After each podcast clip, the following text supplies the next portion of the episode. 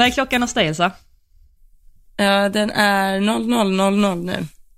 Hos mig är den 06.00. Ja. Du ska gå och lägga dig och jag har precis gått upp. Alltså när man tänker på det är det skitlustigt fortfarande alltså. Jag vet, det är jättekonstigt. Det är fan nu är en bra tid att uppdatera Instagram för mig. Är det det? Om jag nu ska göra det. Ja, men alltså då är det ju morgonen då. Ja, ja precis. Tänk på det Ja. nästa gång. Håll dig uppe för att uppdatera Ja, för det är någon Instagram. gång jag har suttit här vid så här 20.00 och bara, men nu? Och då bara, nej det är en jättedålig tid. Det är ju liksom så här två på natten, en tisdag. Det är inte bra. Ja, Reaktioner noll, alltså din sån reaktion, vad heter det, In, ehm, engagemang på Instagram måste gå ett käpprätt ja nej, ner. den, så här, räckvidden når inte fram hit Exakt. på grund av tiden. Nej. Men eh, hur är det med Johanna? Det är bra med mig tack. Jag är så tacksam. Jag är frisk och kry. Ja, det känns som att alla runt omkring mig och både liksom nära och folk man bara pratar med är dödssjuka här hemma. Och nu pratar jag med dig och du är också sjuk alltså. Alltså jag är så dyngförkyld.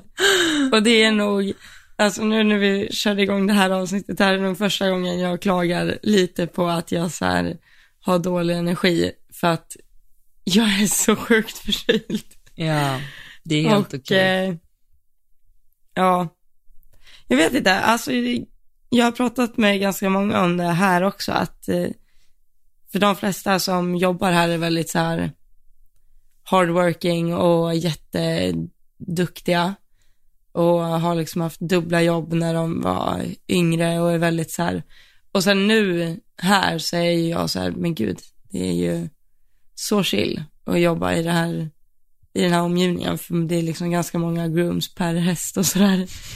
Och, men sen när man pratar med alla så är det så här, gud, de här har ju slitit ihjäl sig i sitt liv också. Så när jag åkte hit, då tänkte jag verkligen så här, att, men det kommer inte vara jobbigt, det är ju bara liksom, det kan ju inte vara värre än vad man har gjort förut. Men det är, alltså, som vi pratade om nu innan, det är ju så här uttröttande hela grejen. Mm. Eh, Alltså, inte på ett dåligt sätt, men mycket intryck och saker man vill hinna med att göra och rida och man vill vara där tidigt på morgonen och, och sen blir man dyngförkyld och ja, Mm. man hade bara velat liksom varit så här toppenergi Mm. Ja, jag fattar. hela tiden. Mm. Men det är ju ingen. Mm. Ja men det, precis. Det har varit så himla mycket för dig sista veckan eller veckorna sen du, sen du kom ju dels hela tidsomställningen, rätt in i det, rätt in i jobb, alla nya rutiner man ska lära sig, alla nya intryck, allt man vill lära sig. Och sen som vi pratar om att du har blivit så nära dina arbetsgivare så att man går ju också in i liksom en, nästan en förälskelse i hela omgivningen och nya människor och man går in i liksom en eufori och det tar ju, det ger ju otroligt mycket energi men det tar ju också mycket energi. Och som du säger, allt man vill uppleva utanför stallet och hästarna och platser man besöker och usch, ja jag kan tänka mig att det, det är inte konstigt att du känner dig lite dränerad faktiskt. Nej, alltså, eller ja, jag skulle inte säga att jag känner mig jättedränerad. Jag är typ så här frustrerad Ja. över att jag bara inte är på top energy level Mm. Jag förstår. just nu. Så um, ikväll ställde jag in en middag och sådär och det, typ det tycker jag är så här tråkigt för att man hade velat gjort allt, eller vad man säger. Mm. När man väl är här så vill man inte missa något. Men USA kommer ju stå kvar, även när jag åker härifrån. Absolut. Förhoppningsvis. Ja, Men jag, jag måste... förhoppningsvis har inte Florida eh, strömmat bort. Exakt. Jag måste sticka ut hakan lite provocerande, men jag blir ju stolt över dig när du ställer in en middag. Alltså jag blir ju så här, fan vad bra, alltså att du prioriterar din hälsa före en middag. Jag tycker det är pluspoäng till dig. Jag har legat så här och skulle kolla på en film och jag bara okej, okay, alltså somna, somna, somna. Och jag har kollat på film, alltså flera kvällar och alltså jag har så här, jag har fått kämpa för att hålla ögonen öppna. Mm. Idag, bara för att jag ville sova, så bara blixtvaken liksom. Ja, så himla typiskt. Men, eh, Ja, det, men du är ensam nu, nu har du eh, fått, eh, jag såg att du liveade också i, jag hann inte kolla på din live, Vad, för jag har fattat att du gav lite Nej. updates. Vad sa du? Nej men alltså det var så här att eh, idag så, um, hon sålde en häst i veckan Mm. och den skulle åka idag och då var transporten försenad och normalt sett så slutar vi halv fyra och sen satt jag i stallet till halv sju typ Mm. eh, och väntade på den här transporten då. Eh, ja, så och då tänkte jag att, och i stallet har jag väldigt bra internet på just en, en, ett visst ställe. Ja. Så tänkte jag, ja men då kan jag dra igång en live. Eh, så gjorde jag det. Ja. Vad sa Ja. du då? Alltså, Ge oss en recap. det var, nej men det var väldigt många inne faktiskt. Jag fick typ en chock. Ja. Det var så här, typ 600 styck, 600 inne ett tag. Jag bara, vad händer? Eh, Va? jag blev lite, jag blev lite, jag fick lite scenskräck. Jag har ju scenskräck, så det, men nej då, det var lugnt. Men, eh, men live så anar jag väl att man liksom går in och ut lite grann. Man är inte inne hela tiden, så det var ju ganska mycket återkommande frågor. Typ när jag åker hem och vad klockan var. Typ. Ja. Nej men, sådär, vad, vad gör jag där? Vad gör jag här? Ja. Men eh, det är som du säger, de har åkt nu, så nu är jag in charge Yes. över sju hästar och tre hundar Okej. Oj. och ett hus. Ja. Mm. Eh, ja, Vilken liten familj du fick där. att ta hand om. eller hur? Det är väldigt liten. Mm. Ja. Nej, så det blir, men det, det går bra hittills. Får du hästarna servade eller behöver du göra allt med de sju hästarna?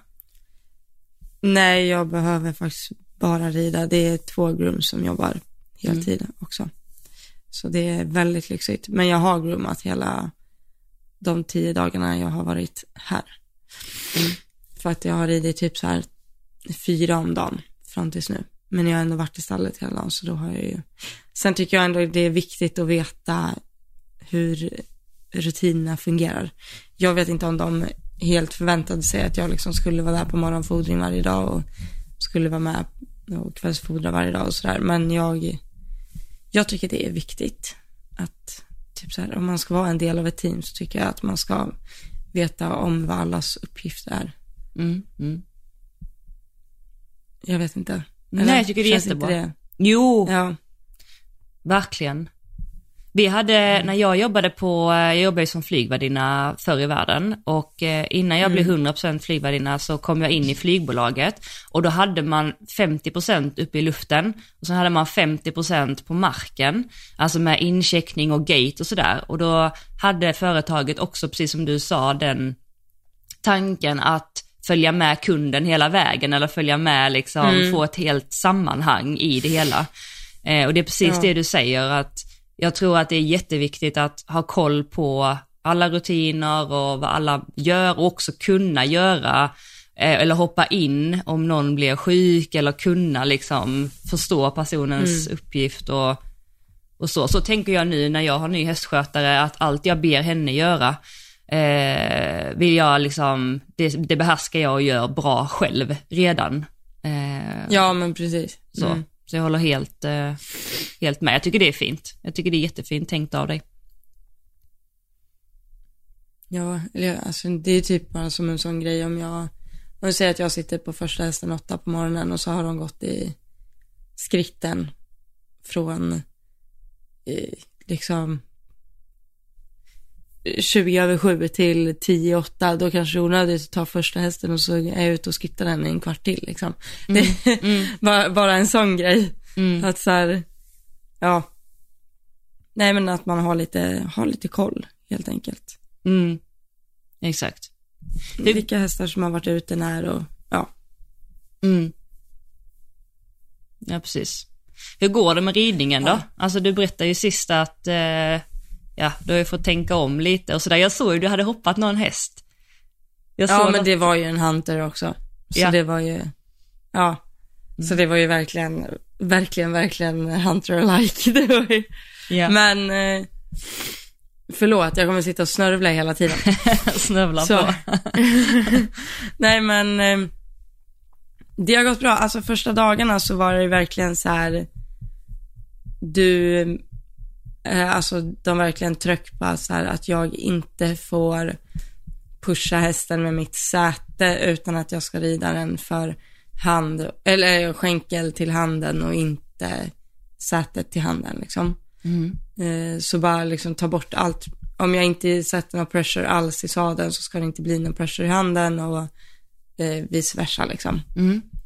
Eh, så det, det fick jag göra i början och sen, alltså när, jag, när man väl, alltså det är så här, egentligen är det inte så olika. Det är ju liksom små saker. Men ibland när man ändrar små saker så kan man ju känna sig så sjukt inkompetent så man blir ju typ som förstelnad. så man blir ju så här, som en, eller fattar du vad jag menar? Ja, jag tror det. Man blir så obekväm. Mm. Tänk dig typ så här som att du ska ändra ditt löpsteg. Mm. Då, du känner ju dig dum. Som fasen. Mm. Ja, du kan inte springa fort och tänka på hur du springer samtidigt, utan Precis. liksom, ja, det är lite samma grej. Men jag tror typ att det är det som ändå gör att man, man måste liksom våga sätta sig i en så här jätteobekväm situation. Eller Mm. fattar du vad jag menar? Mm. Absolut. Så eh, det jag har, alltså det de har pushat mest på är att jag ska typ ha tummen upp och inte sitta med armbågarna ute. eh, och jag bara, alltså jag är van att rida med tyglarna i brygga. Så. och eh, eh, trängande tygeltag är ju högst förbjudet. Eh, så, och eh, att jag typ ska tänka att jag har tån utåt. Så att jag, så att min skänkel är, alltså om du tänker dig att typ ankeln, alltså mellan fotknölen upp till vaden. Mm. Den delen ska liksom ligga emot hästen. Mm. Eller fattar du vad jag menar? Mm. Ja. Så knät blir löst från sadeln. Mm, precis. Eh, ja. Ja, var det nog mer? Nej men det var nog det. Okej, ja. Ja. Sen blev folk lite upprörda när du hade skrivit någon, inte upprörda, men de frågade dig lite vad du menade. För du hade skrivit någonting på Instagram att du hade ridit Ja, från just det. eh, Jag hade skrivit, det var någon som frågade om vad jag hade för favoritövning. Och då hade jag så här, just nu volter. Ja, och det är också en grej, att man ska ju alltid titta vart man ska. Och det är ju så här, ja, det är ju obvious. Men det finns tränare i Sverige som säger titta ut ur volten. Okej. Mm. För Alltså att du få ska från liksom yttersidan. In... Ja, men precis. Så att du ska titta utåt så du inte vrider bäcknet och allting. Mm. Men här är det liksom det som styr hästen då. Ja. Eh, men eh, så jag var så här, jo men jag tycker volter är bra for the moment för att det verkligen är ett kvitto på så här, kan jag rida hästen undan innerskänkel till yttertygen. Alltså det är ett bra, det är en bra så här checkup. Mm. Och då var det jättemånga som så här, finns det ens något annat sätt att göra det på? Oh jo, det gör det. Ut och kolla så finns det nog folk som gör volter på bra många andra sätt än för innerskänkel till, tygel kan jag säga er. Det... och liksom, och alltså bara en sån sak som de har sagt till mig nu att så här, börja aldrig, aldrig i handen. Alltså att hur het hästen än är så ska du alltid lägga på skänken till handen. Alltså du får aldrig ta ett tygeltag bakåt. Mm. Mm. Utan vill du ta ett tygeltag så ska du alltid fylla ut det med skänkel. Mm. Och det är så här, det tycker jag själv att jag är ganska bra på. Men alltså när man väl sitter där och tänker så här, okej, alltid skänkel till handen, alltid skänkel till handen, alltid skänkel till handen. Då märker man att så här, shit vad dålig jag är på det här egentligen. Eller alltså, förstår du vad jag menar? Mm. Och det är ju också en sån här grundregel att det är klart jag inte ska ta i handen om jag inte fyller ut med skänkel. Mm. Men sitter man på en häst som redan driver framåt, ja då är det klart det är enkelt att, Och ta. att, att ta i handen. Mm. Alltså, men ja, en av alla tusen grejer. Mm. Men de är ju, men jag tycker också det är väldigt bra med henne. Hon har, eh, jag skulle inte säga att hon bara har liksom de här amerikanska traktorerna, liksom. Som jag skulle vilja kalla det. Nej men eh, att eh, hon har ändå en del hästar som är mer bloody än vad än vad vi kanske tänker att amerikanska hästar är, skulle jag säga.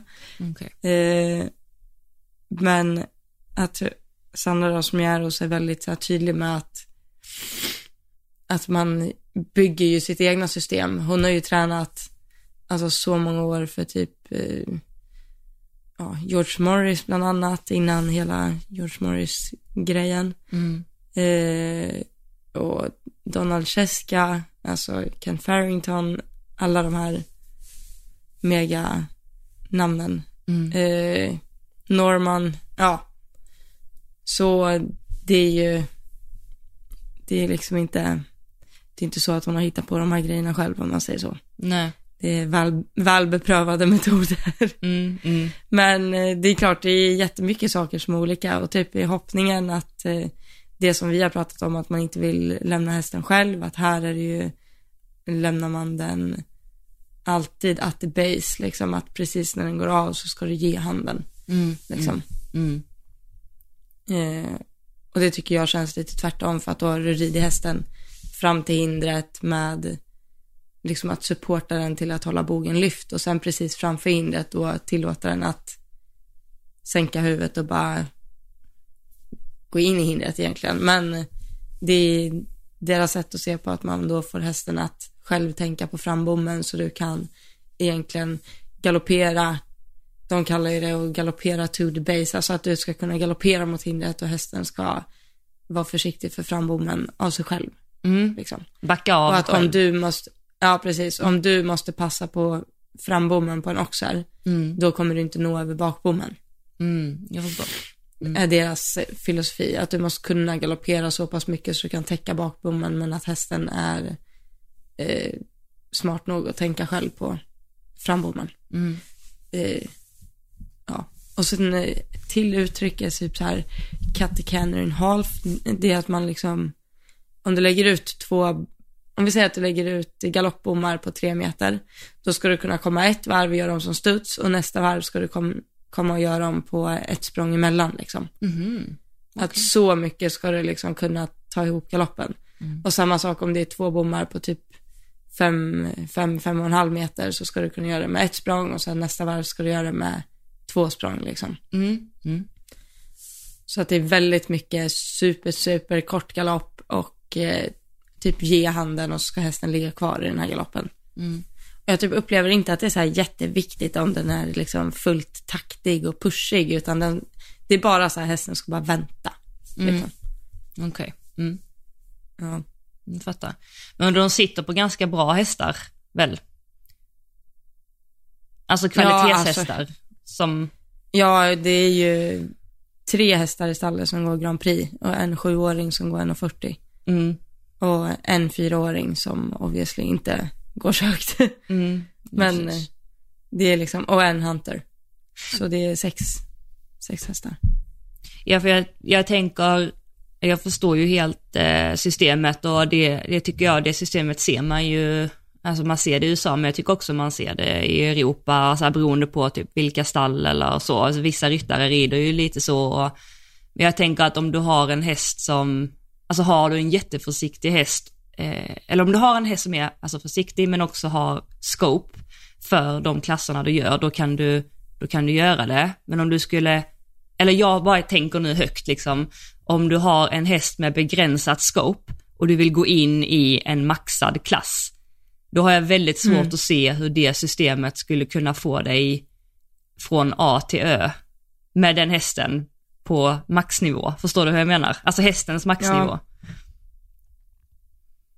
Ja, alltså det, jag håller med dig. Alltså jag, eh, men jag vet, jag vet också att jag kommer kunna ta med mig jättemycket från det här systemet till, till vad jag tänker är rätt och fel. Men jag, alltså det personligen som jag typ eh, har svårt med, vilket vi också har pratat om här, att jag är så här, men jag vill kunna rida mot ett hinder och vara säker på att jag kommer över hindret felfritt. Jag vill inte lägga det i hästens händer om den, så här, om den tappar en framhov på en bakbom liksom. Aha, ja ja. Eller förstår du vad jag Mm, menar? ja. Jag vill kunna ha, jag vill, precis som en dressyrryttare eh, rider in i en piruett, då sätter ju den alltså då bygger man ju upp tillräckligt med liksom kraftenergi för att piruetten ska bli bra. Eller fattar du vad jag menar? Mm, Det är inte så att jag har ridit upp på medellinjen tillräckligt många gånger hemma så att piruetten, så att hästen kan, äh, piruetten som en cirkusrörelse liksom. Precis, på långa tyglar. Utan jag, utan... jag rider ju piruetten, är du med? Ja, absolut. Och där tänker jag lite likadant, där vill ju jag också att så här, jag vill kunna spänna bågen innan hindret och känna att den löser ut över. Att det inte är beroende på hästens scope. Mm, förstår. Mm. Eller är du med på vad jag menar? Ja. Eller är det jättedumt tänkt? Nej, nej, det är inte alls dumt tänkt. Jag har också samma filosofi. Eh, Jag tror där, däremot att ehm, man, när vi, eller när jag, eller så här, gör allt jag kan eh, för hästen innan, alltid, då tror jag man tar bort hästens egen förmåga att tänka själv. Alltså lite det som Sandra är inne på, att man vill ha en häst Ja. som tänker på frambommen själv liksom. Alltså eh, lite så, om man hela tiden kommer och savear fram och hela tiden ser till liksom och ger allt säger vi för att täcka bakbommen, alltså nu överdriver jag ju så. Ja, då, ja. då får du aldrig en häst som tänker själv och då blir ju hästen hela tiden, nu tänker jag, det här är min filosofi, beroende av ryttaren. Och när du kommer in i en Grand Prix, då kan du ju inte vara själv, då behöver du ju hästen, alltså hästen behöver ju göra sitt Jo, jobb. det är klart. Ja. Alltså förstår du? Så att jag, jag tänker precis som du, men jag tror att du och jag kan inspireras av den här tanken, eller den här filosofin Ja. och bli, alltså dra, som du säger, dra in det lite i att, att hästarna också får tänka och göra själv. Eller det är min spontana, spontana filosofi. Mm. Eller så. Men det är också ett uttryck de använder här ganska mycket och det är att en häst är too careful, alltså att den är för försiktig. Då kan de inte rida Och, som eh, de, som de gör. Och det är ju för att man inte kan, eh, alltså, hur ska man säga? Jag vet inte hur man ska få det att liksom eh, få fram det, men om vi säger typ King Edward, Mm. eh, är ju, alltså där kan man ju klart se att eh, Henrik lämnar ju honom inte själv Nej. at the base. Liksom. Nej. Det är inte så att han galopperar fram till hindret och så ger han handen sista språnget. Nej, tvärtom. liksom. Han har ju precis samma kontakt Tvärtom. innan. Ja, precis. Han har ju hela tiden kontakt före, över, efter liksom. Mm. Eh, så antagligen hade ju inte King Edward funkat så bra i det här systemet. Han har ju bara För gått högre och då hade högre och han högre. blivit osäker antagligen. Mm, precis. Ja, bara hoppat högre och högre och Mm. högre för att han inte, ja. Men, eh, alltså ja, det är precis, det är det som, det har vi också pratat så mycket om, alltså de här är ju så nördiga på en helt ny nivå liksom. Mm. Och hon vet ju det själv, alltså hon är ju kort och liten att det, jag kommer aldrig kunna rida en häst på samma sätt som Christian Ahlman kan. Eller Nej. som, eh, så att det här, hon har ju byggt upp sitt system för att det ska fungera liksom. Mm.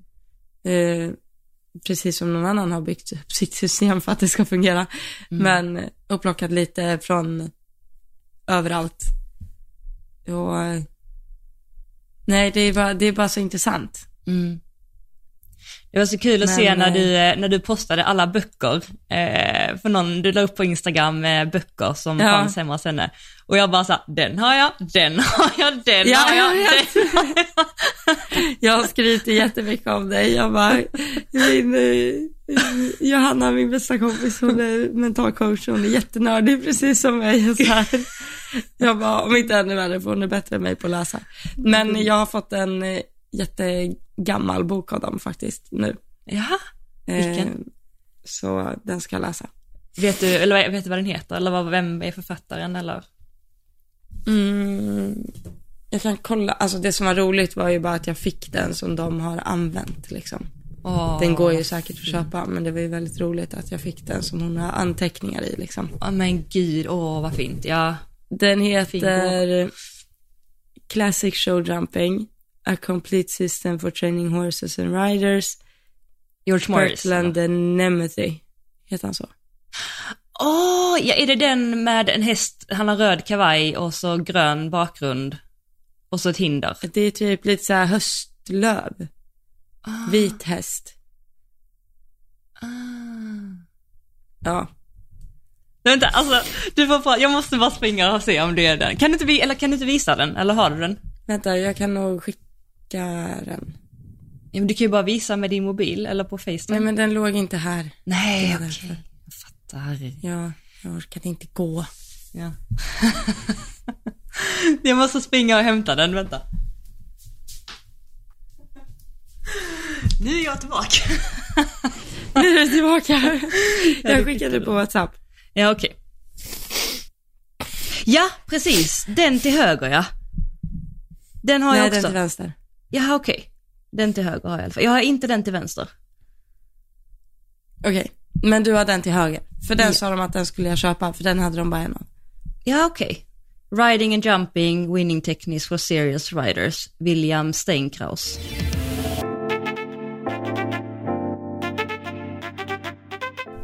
Ja, och det, det pratade vi också om idag när jag hoppade en häst. Då skulle jag så här, eh, visualisera hur jag skulle rida linjerna innan jag skulle hoppa. Ja.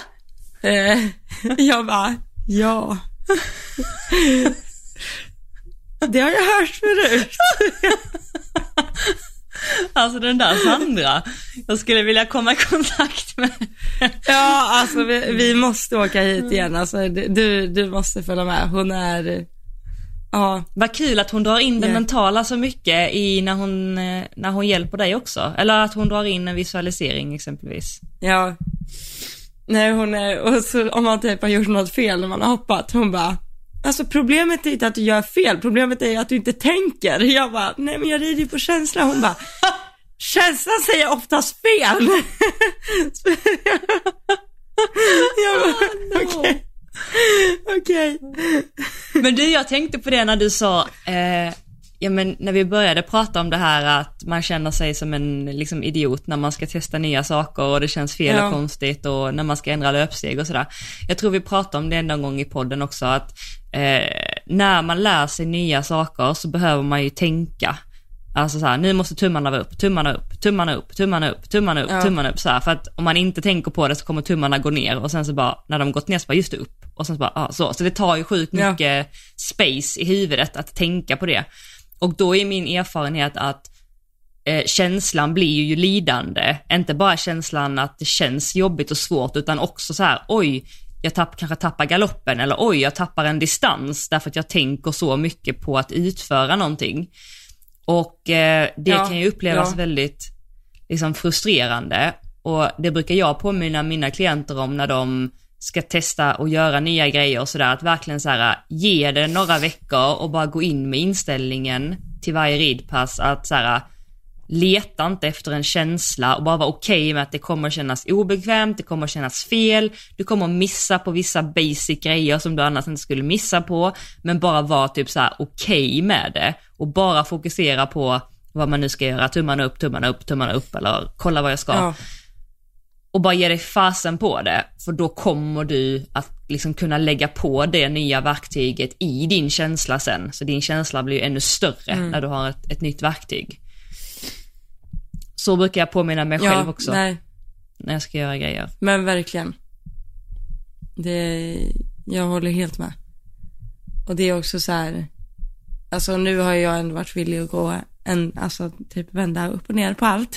Ja. Skulle jag väl eh, säga typ.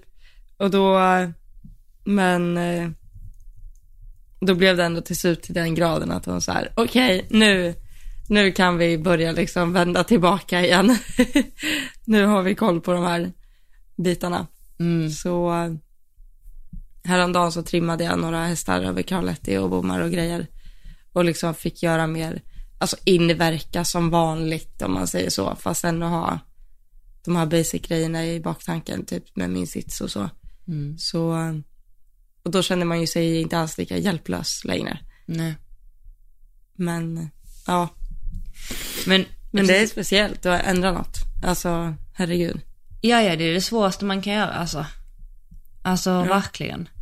Men jag tänker, det du sa innan att liksom vinkla ut tån och vinkla ut knät lite och sådär. Alltså jag känner ju igen mig, jag tror att jag jag rider nog väldigt mycket, om man skulle bara ta min, alltså hur jag vill rida, alltså utan att då ha blivit tränad och typ som nu, det Linnea säger till mig sådär, om jag bara fick bestämma ja. helt själv och bara gå på ren känsla, så, så, är, så rider jag ju precis så som du beskriver.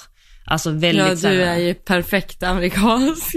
Ja men alltså, alltså mm. naturligt tror jag verkligen det, för att jag, jag rider ja. otroligt lite med mitt säte, jag har liksom verkligen så här, har tränat, det har jag i sig tränat ihjäl mig på att inte ha alltså pressure på, i knäna liksom, utan verkligen så här ut med knäna eh, och sen kunna liksom vara i lättsits som jag vill, sitta om jag vill och sen att hästarna, det har jag ju haft svårt med, alltså jag, jag, min naturliga talang är ju det så som du tränar nu. Att, liksom, att hästarna inte kan, ska fylla ut handen eller vänta liksom, alltså där. Ja. Det är jag liksom expert på och det måste jag ju typ, eller det har jag för typ träna, träna bort lite liksom nu när jag har kommit ja. in i ett uh, nytt system.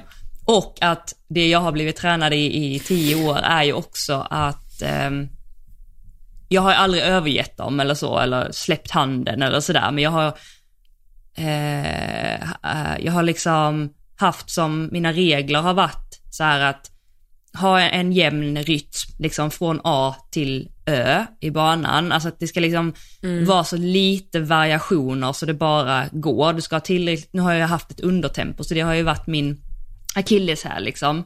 Men jag har alltid haft en, tittar man på mina runder har jag alltid haft en jämn rytm. Det har aldrig gått saktare eller fortare utan så.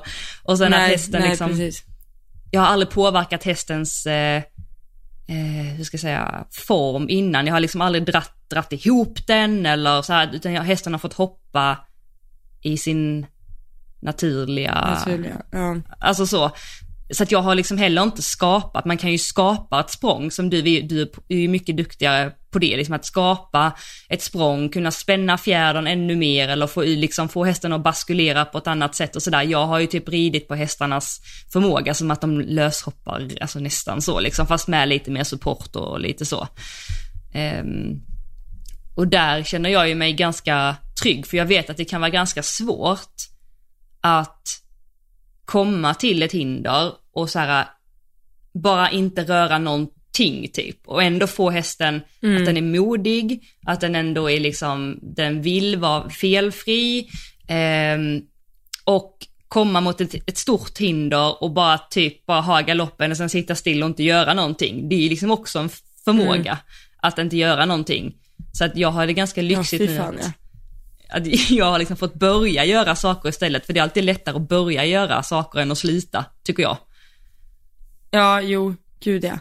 Det pratade vi också om, att det är ju, och speciellt, alltså när jag är van och har ridit så mycket unghästar så behöver det ju vara där och inverka i utbildande syfte liksom. Ja.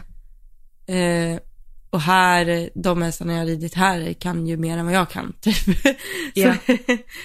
det är ju liksom, så det är så här lite följa med tåget men fortfarande liksom vara konsekvent med att det som ska fungera ska fungera. Alltså det är så här, ja det är svårt att greppa, men det är ju just det att så här, att rida mot ett hinder och så här känna genom svängen att så här, okej okay, nu är rytmen perfekt, jag ska inte göra någonting, jag ser min distans, allt är bra, mm. bara vara. Mm. Liksom. Mm.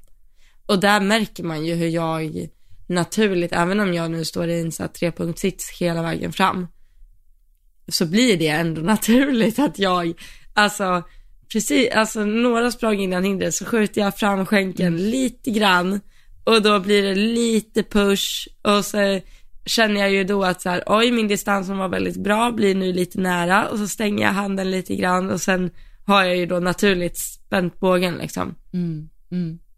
Eh, och spänner man bågen på en häst som hoppar Grand Prix in i en studs, det är inte så bra. Off we go. Off we go. Alltså, ja, nu, det är inte så att det, det är ju liksom inte mycket, men ja. Mm. Det hade kunnat varit ännu mer smooth liksom än vad det, men man lär sig. Gud ja. Det är det som är det fina med det här. Man är aldrig liksom, vad ledsen man hade blivit om man kom hit och det var precis samma grej. Ja, nej. Nej, men. Nej men alltså den här resan och allt du gör, alltså jag tror att du fortfarande är, även om du har lagt vissa pusselbitar och du inte känner dig lika inkompetent när du rider nu som du gjorde för en vecka sedan, så tror jag fortfarande du är i det här liksom surret eller så här, uh, men typ om några månader när du kommer hem och liksom har fått lite distans, du har testat lite sådär, då tror jag liksom att du mer så här nyktert kan plocka grejer och lägga bort grejer mm. och liksom verkligen typ förstärka ditt eget system och din egen ridstil när du bara har fått lite distans till det. Tror du inte? Ja, alltså det är något jag inte tänkte på innan jag åkte hit för att jag var ju så här, alltså jag ville ju till Wellington, det var ju det jag ville se i grund och botten, men det är ju så mycket typ så här irländare, alltså alla möjliga olika alltså från Nederländerna, alltså det är så mycket blandat folk. Mm. Så det var ju verkligen en slump att jag hamnade i det mest amerikanska systemet man kan mm. Mm. hamna i liksom. Att det är så, alltså, det är liksom den amerikanska ridstilen till 200 procent här. Mm. Mm. Eh, och jag ser ju även, alltså de vi delar, eh, alltså delar anläggning med irländare eller har jobbat för europeer och bara det är ju ett helt annat liksom. Mm. När man sitter och trimmar tillsammans med dem. Och det är inte att jag tycker att de gör det dåligt, jag tycker de, och då känner jag igen det, att så här, oj, de löser ju problem så som jag normalt gör det. Mm. Och nu ska jag göra det på ett helt annat sätt liksom. Mm. Så, ja, nej det är intressant. Ja, verkligen. Det är jätteintressant. Ja, ja. Det, vi, när vi pratade innan, det slog mig för jag låg själv och reflekterade lite häromdagen på anridningar till hinder för att jag hade, jag har fått lite hjälp nu med sadlar och så eh, till Kalle, för Kalle är ett specialcase mer än vad jag har fattat när det kommer till sadlar. För han är, mm, eh, nej men han, eh, dels har han, han har en hög manke och sen har han väldigt tydliga stora bogblad och ganska höga och markerade. Eh, och så har, är han ganska ihålig typ i manken eh, i sig själv och nu är han också då, alltså lite dåligt musklad där på det liksom för att inte han har mm. kunnat eh, liksom komma upp helt på grund av saden då. Eh, han är inte öm i ryggen, han har liksom inte fått eh, så att han är öm eller någonting alls liksom, utan bara att eh, han har inte kunnat sätta musklerna på grund av att sadeln har legat som den har gjort. Men, eh, men i alla fall så skulle jag prova lite sadlar då och så hade jag en, eh, en som var nere från renässans då, Thomas, och hjälpte mig och så. Och då skulle jag, han bara, men testa hoppa lite på Kalle, eh, för att jag vill se hur du hamnar i balansen och sådär. Ja. Så jag bara hoppar, jag har liksom inte hoppat Kalle på, eh, alltså länge, de har ju haft lite lugnt liksom. Och Kalle är ju ja, verkligen just en, han är verkligen en sån häst som, alltså han är ju otroligt försiktig och eh, lite spooky mm. i sig själv liksom. Och, och, vi har ju, jag hoppar jättesällan hemma på min anläggning eftersom att jag åker till det nya och tränar eller så tävlar jag. Mm. Så att allt hemma är fortfarande väldigt spooky för honom och så har vi ganska liksom ja. flashiga hinder och alltså så. Så jag bara, okej okay, men jag kan komma på det där krysset då och sen sänk den där, gör, den, gör en liten också, du vet så här. För jag vet att nu kommer han liksom, jag hoppar ju runt på krysset några gånger och sen höjde jag och gjorde ett litet räcke och sen skulle jag ju komma på en, alltså en liten också, vi snackar liksom, alltså vad var den, 75, 80, alltså på sin ja. höjd liksom. Men jag vet ju att han kommer ju liksom hoppa upp till taket på det här också. um, Och detta reflekterar jag inte över då, utan det här är någonting jag reflekterar över på kvällen. Liksom. Så här, för att då när han, när jag vet att han kommer vara spooky och jag känner liksom att jag har en galopp genom svängen, det här står som en också snett igenom. Så känner jag ju att jag galopperar mot hindren och jag känner ju hur hela hästen, när han får syn på hindren, på hindret, så känner jag ju att okej, okay, redan där börjar eh, han bli lite spooky. Det syns ju inte på utsidan, mm. men jag känner ju det. Och det jag gör då är ju att ta ännu mer i handen. Alltså ju mer, ju mer spooky han är, alltså ju, så här, ju mer han håller ifrån hindret, nu håller han inte, han backar inte liksom. Men förstår du vad jag menar? Ju mer respekt han ger mig, en känsla av att han ger hindret, ja. desto mer hand ger jag mm. och ben liksom. Men inte... Ja, du sätter mer. Ja. Ja, alltså jag ramar in honom mer så att jag har ja. liksom ju mer tittig han är, desto mer har jag i handen. Liksom. Ja. Eh, så att ju mer, ju mindre, nu, så här är det inte, men bara för att göra en hård parallell, ju mindre han vill gå bort från hindret, desto mer Ja. broms ger jag. Vilket blir ju ologiskt när man tänker på om hästen inte vill, vill hoppa. Nu tänker jag om man sitter på en stopper som inte vill hoppa. Då känns det ju i teorin, eller så här, ologiskt att ge mer hand. Men det är ju det som jag upplever får hästarna att hoppa eh, mer, om du förstår vad jag menar, att jag kommer ju lättare över hindret om jag har mer kontakt och verkligen ramar in dem, så att säga. Eh, Ja. Och sen tvärtom då, ju mer, eller jo, så gjorde jag då liksom parallellen när jag kom hem så att när hästen verkligen så vill, eh, inte känns spooky och jä- jättekänns avspänd och fint, då kan jag ju, det är då jag kan ha som lättast kontakt. Nu tänker jag på Kalle liksom.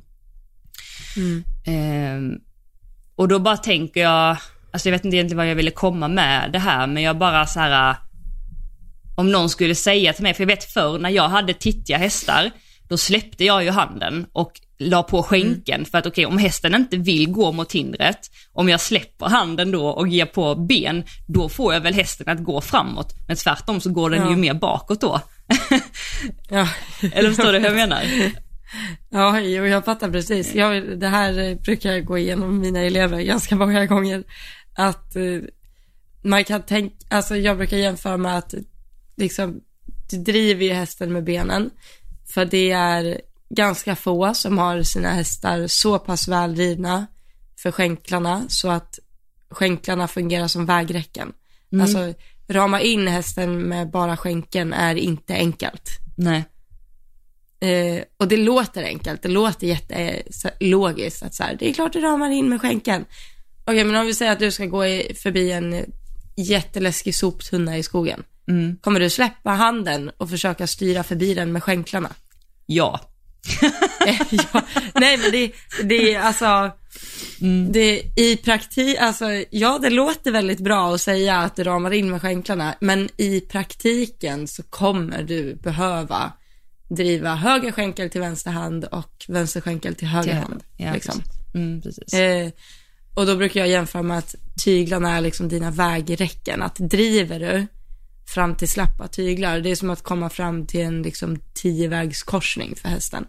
den kan ju ta vilken annan väg den vill, förutom över liksom. Mm, precis. Nej men det är en bra jämförelse. Eh, Så det är liksom, där är dina, det är så här landningsbanan, eller liksom vägräckena på vart du vill. Mm.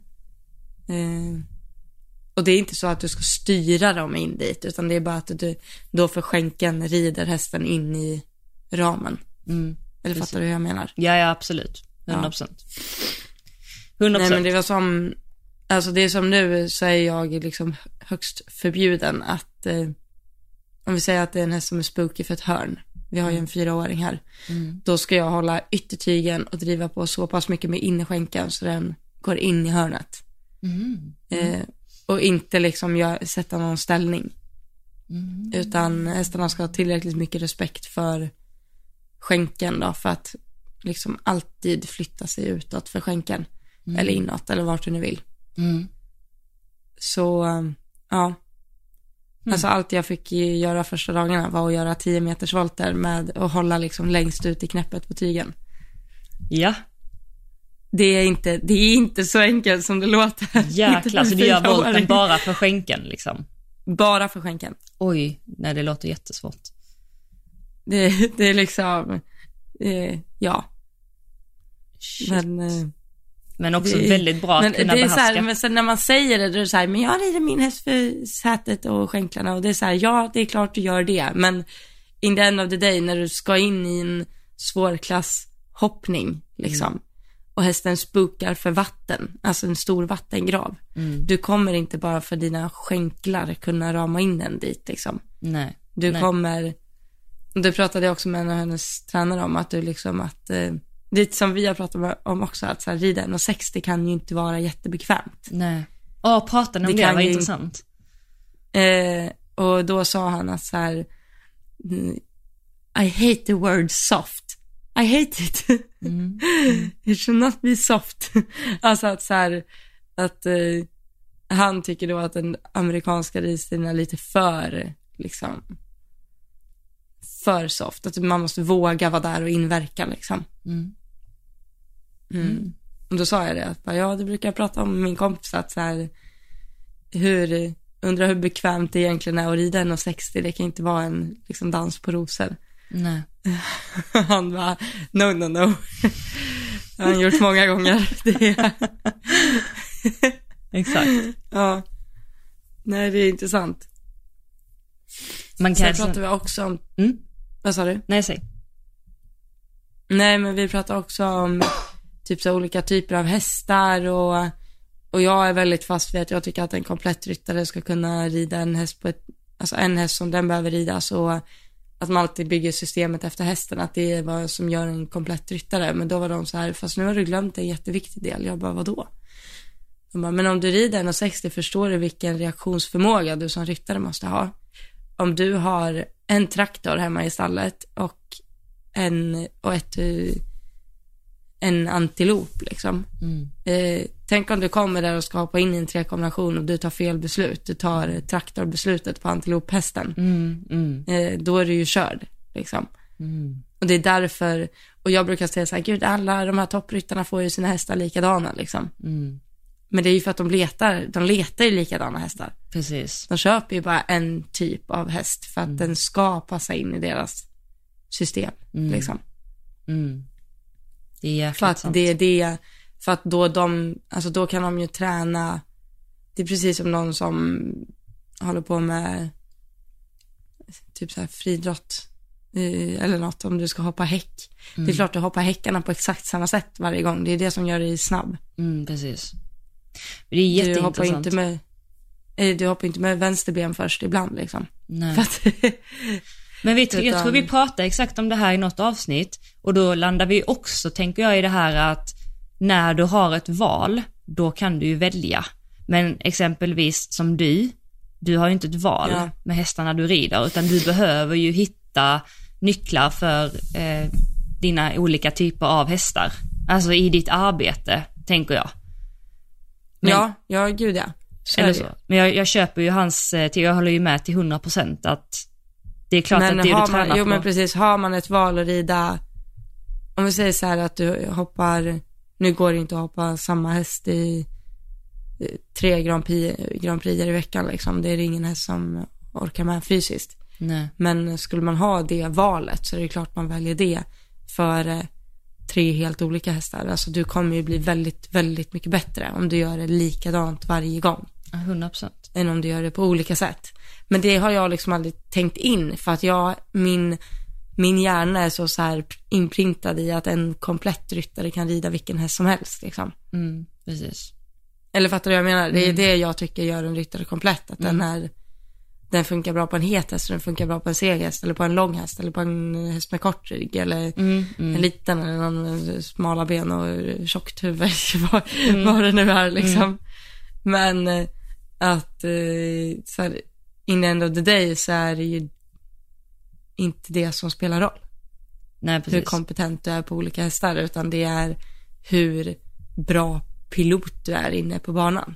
Och det vet jag att jag också har pratat om i podden förut. Att jag är så här, kommer det komma till den dagen att du inte längre, nu skulle jag säga att alla de som rider 1,60 topp, toppnivå vet hur man utbildar hästar från typ inridning fram till 1,60. Alltså jag skulle nog våga säga att 95% av alla som rider 1,60 kan det. Mm. Eh, men då pratar jag med dem här om att, för att det är så mycket pengar i sporten här. Det är liksom, det går inte att, det, alltså, en skoning kostar liksom 500 dollar. Vad alltså, billigt. det är så här, ja, nej men, och då sa jag det, jag bara, men tror ni att det kommer bli så? Eh, att eh, det kommer vara de som är piloter på tävling, liksom, att de är sjukt bra på att rida inne på banan. Och att det är en annan som är sjukt bra på att trimma och det är en annan som är jättebra på att ta fram hästar som är 4, 5, 6. Och de bara kollar på mig och bara, vad menar du? Det är precis så det är. jag bara, ja, okej, okay, ja. Men, för jag har ändå stött på många som jag har sagt det här till, men som ändå har varit så här, fast tror du inte att du ändå kommer kunna vara, du kommer alltid behöva vara den som är ansvarande i teamet om att du vet hur dina hästar ska bli skodda och du måste veta hur de ska lösgöras och hur de ska göra det här och det här och det här. Men har man de ekonomiska musklerna som många här har, då behöver du verkligen inte det. Nej. Och det är ju lite sorgligt, alltså, mm. mm. tycker jag i alla fall. Mm. Jag har ju någon sorts här drömvision om att eh, den första hästen jag ska rida Grand Prix på ska jag liksom ha tagit fram själv. Det ska vara min, min produkt liksom. Mm. mm. Det, jag tycker ändå det finns en stolthet i det. Mm. Fortfarande. Men det gör men det. Men här är det mer så här, jo men det gör det ju. Mm. Men här skulle jag typ säga att det kvittar lite grann. Ja, precis. Jo, jag fattar här, precis. Men det är ju också för att det är så mycket pengar. Det är så mycket vinn, alltså det är prispengar och det är, du säljer hästarna. Det är så här, gör det sjukt bra resultat och det är så här, det, det är fan ingen som bryr sig om vem du har som flatrider hemma liksom. Nej, nej, nej. Nej, jag vet. Nej, nej, nej. Jag vet ja. att det är många alltså, amerikaner som har sina amerikaner säger jag bara så, för att jag vet några, några case och så som har pratat, jag pratar, ja, behöver inte men, men ja, som har sina ryttare hemma och som rider igenom hästarna och sådär och de egentligen bara hopptränar och, och tävlar liksom. Och jag tror också att hade jag haft det, alltså så, haft någon som verkligen har ridit igenom mina hästar och verkligen haft dem topp, topp, ja. topp och sådär, så tror jag också att jag hade steppat upp på tävlingsbanan ännu mer. Om jag bara hade fått göra ja. det liksom och blivit grym på det och mina hästar hade alltså 100% varit mer välridna än om jag hade suttit där i och med att jag känner inte att jag är absolut bäst på det. Så att, um, men jag förstår vad du menar och jag kan tycka både och. Jag kan tycka att det är, om man kan göra så och det finns ekonom ekonomiska resurser, alltså gör det. Det är liksom bra för alla på ett sätt. Även, ja. även hästarna. Jo men så är det också, det är det de här, alltså många här lever på. Det ja, är precis. ju deras eh, clients och de, ja. alltså att, eh, om vi säger om jag hade varit client, då skulle jag ägt två hästar, jag kommer hoppträna dem en, två gånger i veckan, tävla ja. dem och resten av jobbet sköter min tränare, alltså ja. 100%. De Precis. ser till att den skos, de ser till att den får rätt foder, de ser till att den rids ut, longeras, trimmas, allt det där sköter de. Allt det. Mm. Så att jag tar liksom inte ansvar för något då, Nej. egentligen. Utan jag ser till att jag är bra på att rida fem språng på 22 meter och jag gör det på tävlingen och jag ser till att göra det perfekt liksom. Mm. Men det är ju precis och, så jag har haft det. Alltså det är ju, det är ju så jag gick in ju med, med min förra tränare. Alltså i det systemet. Han tog ju liksom ansvar för allt eh, åt mig. Och trimmade också mina hästar och, och sådär. Eh, och jag, det är det jag har sagt innan att jag, jag tror att alla någon gång, alltså att man, man hade växt, alltså alla tror jag borde gå i den skolan någon gång. Nu vet jag att det, alla kan inte göra det, men jag tror att man, man växer väldigt, väldigt mycket och man får väldigt mycket ut av det. Och sen, men sen samtidigt som jag ville komma till där, samtidigt som det ger alla jättemycket, om det nu finns ekonomiska resurser och allt sådär. Det ger hästar, det ger folk jobb, det ger ryttare, alltså all, alla tjänar på det. Men det är också sorgligt tycker jag, för att det gör ju att du aldrig behöver eh, lära dig. Du behöver aldrig liksom nörda ner dig eh, så. Och, och jag kan tycka att det är synd att hela den här hästkunskapen, alltså den gamla goda hästkunskapen kommer liksom dö ut på grund av lite det här också. Den här kompletta hästmänniskan, om du förstår vad jag menar. Eh, ja, med... men sen skulle jag ha svårt att jämföra dig med de vissa så här clients som jag har förstått det fungerar här. Det är inte riktigt. Du kan inte, du var ändå fullt medveten om allt som dina hästar gjorde och skolning och Absolut, men jag ville ju lära mig. Det... Jag behövde ju inte om jag jo, inte ville. Jo, men precis. Eller så. Men här blir det mer så här, jag förstår inte riktigt hur, det jag inte fattar är, eller det finns ju de som har ett mål att de ska rida en 60 Grand Prix, det har jag också. Men jag vet ju att jag kommer ju aldrig kunna, jag kommer inte kunna rida en 60 Grand Prix och betala för att göra det hela Nej. tiden. Fattar du? Samma här. Utan jag måste göra det professionellt, alltså mm. jag måste ha det som mitt arbete. Mm. Hur ska de, hur ska de som har egentligen lagt över egentligen allt sv- ansvar på någon annan, rider sin häst på tävling och träning och så. Eh, hur ska den, den kommer inte kunna livnära sig på hästar. Nej. Nej. Hur ska den få en hästägare som vill att den, att de gör det sen? Fattar du? För det, Alltså du menar om allting hade försvunnit, om de hade stått panka så hade de aldrig kunnat komma tillbaka dit de är eller kunnat ta nej det sig. hade de ju inte kunnat. Eller? Precis. Nej, nej, nej, nej, nej, nej, nej, nej, Om absolut. Håller pengarna har tagit slut, då är det så här, Mm. vad gör du då? Exakt. Du kommer inte kunna ta fram den hästen själv. Nej, precis. Och det är det man, det det är precis exakt det du säger. Man vill ju känna att om allting tas ifrån en, eller så känner jag med allt, liksom att om någonting tas ifrån mig så ska jag kunna bygga upp det igen. Liksom med min kunskap eller med min erfarenhet eller sådär. Ehm, Men det är ju också lite problemet här att det är liksom, eller problemet här lite överallt, att alla vill ju egentligen tävla. Så alla som söker hästjobb vill ju rida och tävla. mm. Men alla hästjobb som finns, finns ju för att någon annan ska tävla. Eller Mm. fattar du? Jag förstår, ja. Eh, det, det är ju verkligen så. Att du måste ju verkligen vara sjukt, sjukt duktig att rida för att få den chansen. Det är liksom inte, det är inte enkelt. Nej. Och det är, alltså du ska vara jätteglad för ett superbra jobb här och då eh, trimmar du och hoppar en häst och kanske tävlar en 1,20 på fredagen för att ägaren ska hoppa en 1,10 på lördagen. Liksom. Mm, mm, precis. Eh, och alltså så är det, men det är ju fortfarande inte, då har ju inte du, du får ju liksom ingen så här konstig, alltså du blir inte så här konsekvent själv. Du har ju inget eget att jobba med, eller fattar du vad jag menar? Ja, ja, absolut. Du gör ju jobbet hela tiden för någon annan. Mm, exakt. Ja.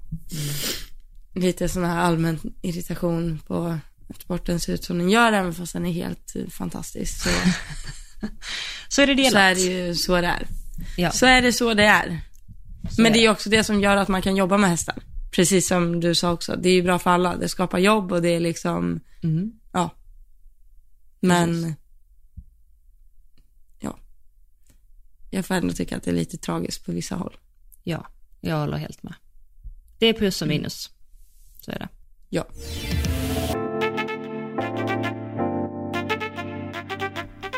Ja, men du ska eh, få hoppa ner i sängen, eh, Elsa. Du ska upp om bara några timmar. Ja, du ska få starta dagen. ja, det ska Hur går det med. Cassie förresten? Det går faktiskt väldigt bra. Eh, Hon, hon har dragit ut en vargtand nu, så nu har vi tio dagars eh, där hon inte kan ridas och sådär. Ah, okej. Men eh, hon, det går det går framåt och eh, jag har faktiskt klippt henne nu. Hon var ju som en jättebjörn och eh, då fick jag tipset, jag vill säga det här på den fick tipset att klippa i boxen. Och jag har varit så här innan, gud, man kan väl inte klippa i boxen och gud vad jobbigt och hår och hela vägen så här. Men jag kan bara Ja. säga så här, så jag kommer typ klippa alla mina hästar i boxen alltid. Alltså, verkligen. Det gick bra. Ja men alltså det är ju helt fantastiskt. Alltså hästarna är ju lugna och trygga där och eh, typ som hon eh, kunde stå och käka lite hö medan jag klippte rumpan liksom eller så. Ja. Och typ när jag klippte huvudet, hon var hon är ju väldigt känslig i huvudet och öronen och sådär, då kunde man ta lite, klia lite, hon kunde sänka huvudet lite, jag kunde gå ner med henne och sitta på huk lite, klia lite, klippa Ja. lite. Alltså verkligen fantastiskt alltså. Så det vill jag skicka med. Skönt. Och jag fick faktiskt några groomar som skrev till mig också att så gör vi alltid eh, i vårt stall. Eh, så det, Mm. ja nej men så det går bra. Men eh, vi kan väl köra en, en update eh, nästa vecka kanske. Jag har lite annat att berätta nästa vecka också faktiskt. Oj, nu blev jag jättespänd. Ja, vi tar det på den nästa vecka. Jag kan berätta för dig efter. Efter vi har lagt på. Ja, gör det. Men vänner, tack Men- snälla för att ni lyssnar. Vill ni stötta Ja, oss så blir vi tusen tack jätteglada. för att ni lyssnar. Ja, Ja, Eh, vi har ju ett swishnummer, för er som är nya lyssnare så har vi ju valt att försöka ha den här podden så osponsrad som möjligt och valt att köra på swish istället. Så är det så att man känner att man tycker det är kul att lyssna på oss, man får ut någonting av det eller man bara vill liksom stötta oss på något sätt så får man jättegärna skicka valfri slant till vårt swishnummer. Eh, och det swishnumret är 1232 981 231 och det står i poddbeskrivningen och även på vår poddinsta Johanna och Elsa. Och tack snälla för er som swishade förra veckan. Ni är underbara. Ni är bäst. Ja. Men Johanna, tusen tack. Tusen tack för idag. Idag. Puss och kram och krya på Det är dig. alltid lika bra att prata med dig, lika kul. Ja. Jag älskar oss Ja. jättemycket. Det gör jag också. Och vi älskar er. Ja, Puss och kram. det gör vi. Puss, hej. Hej då.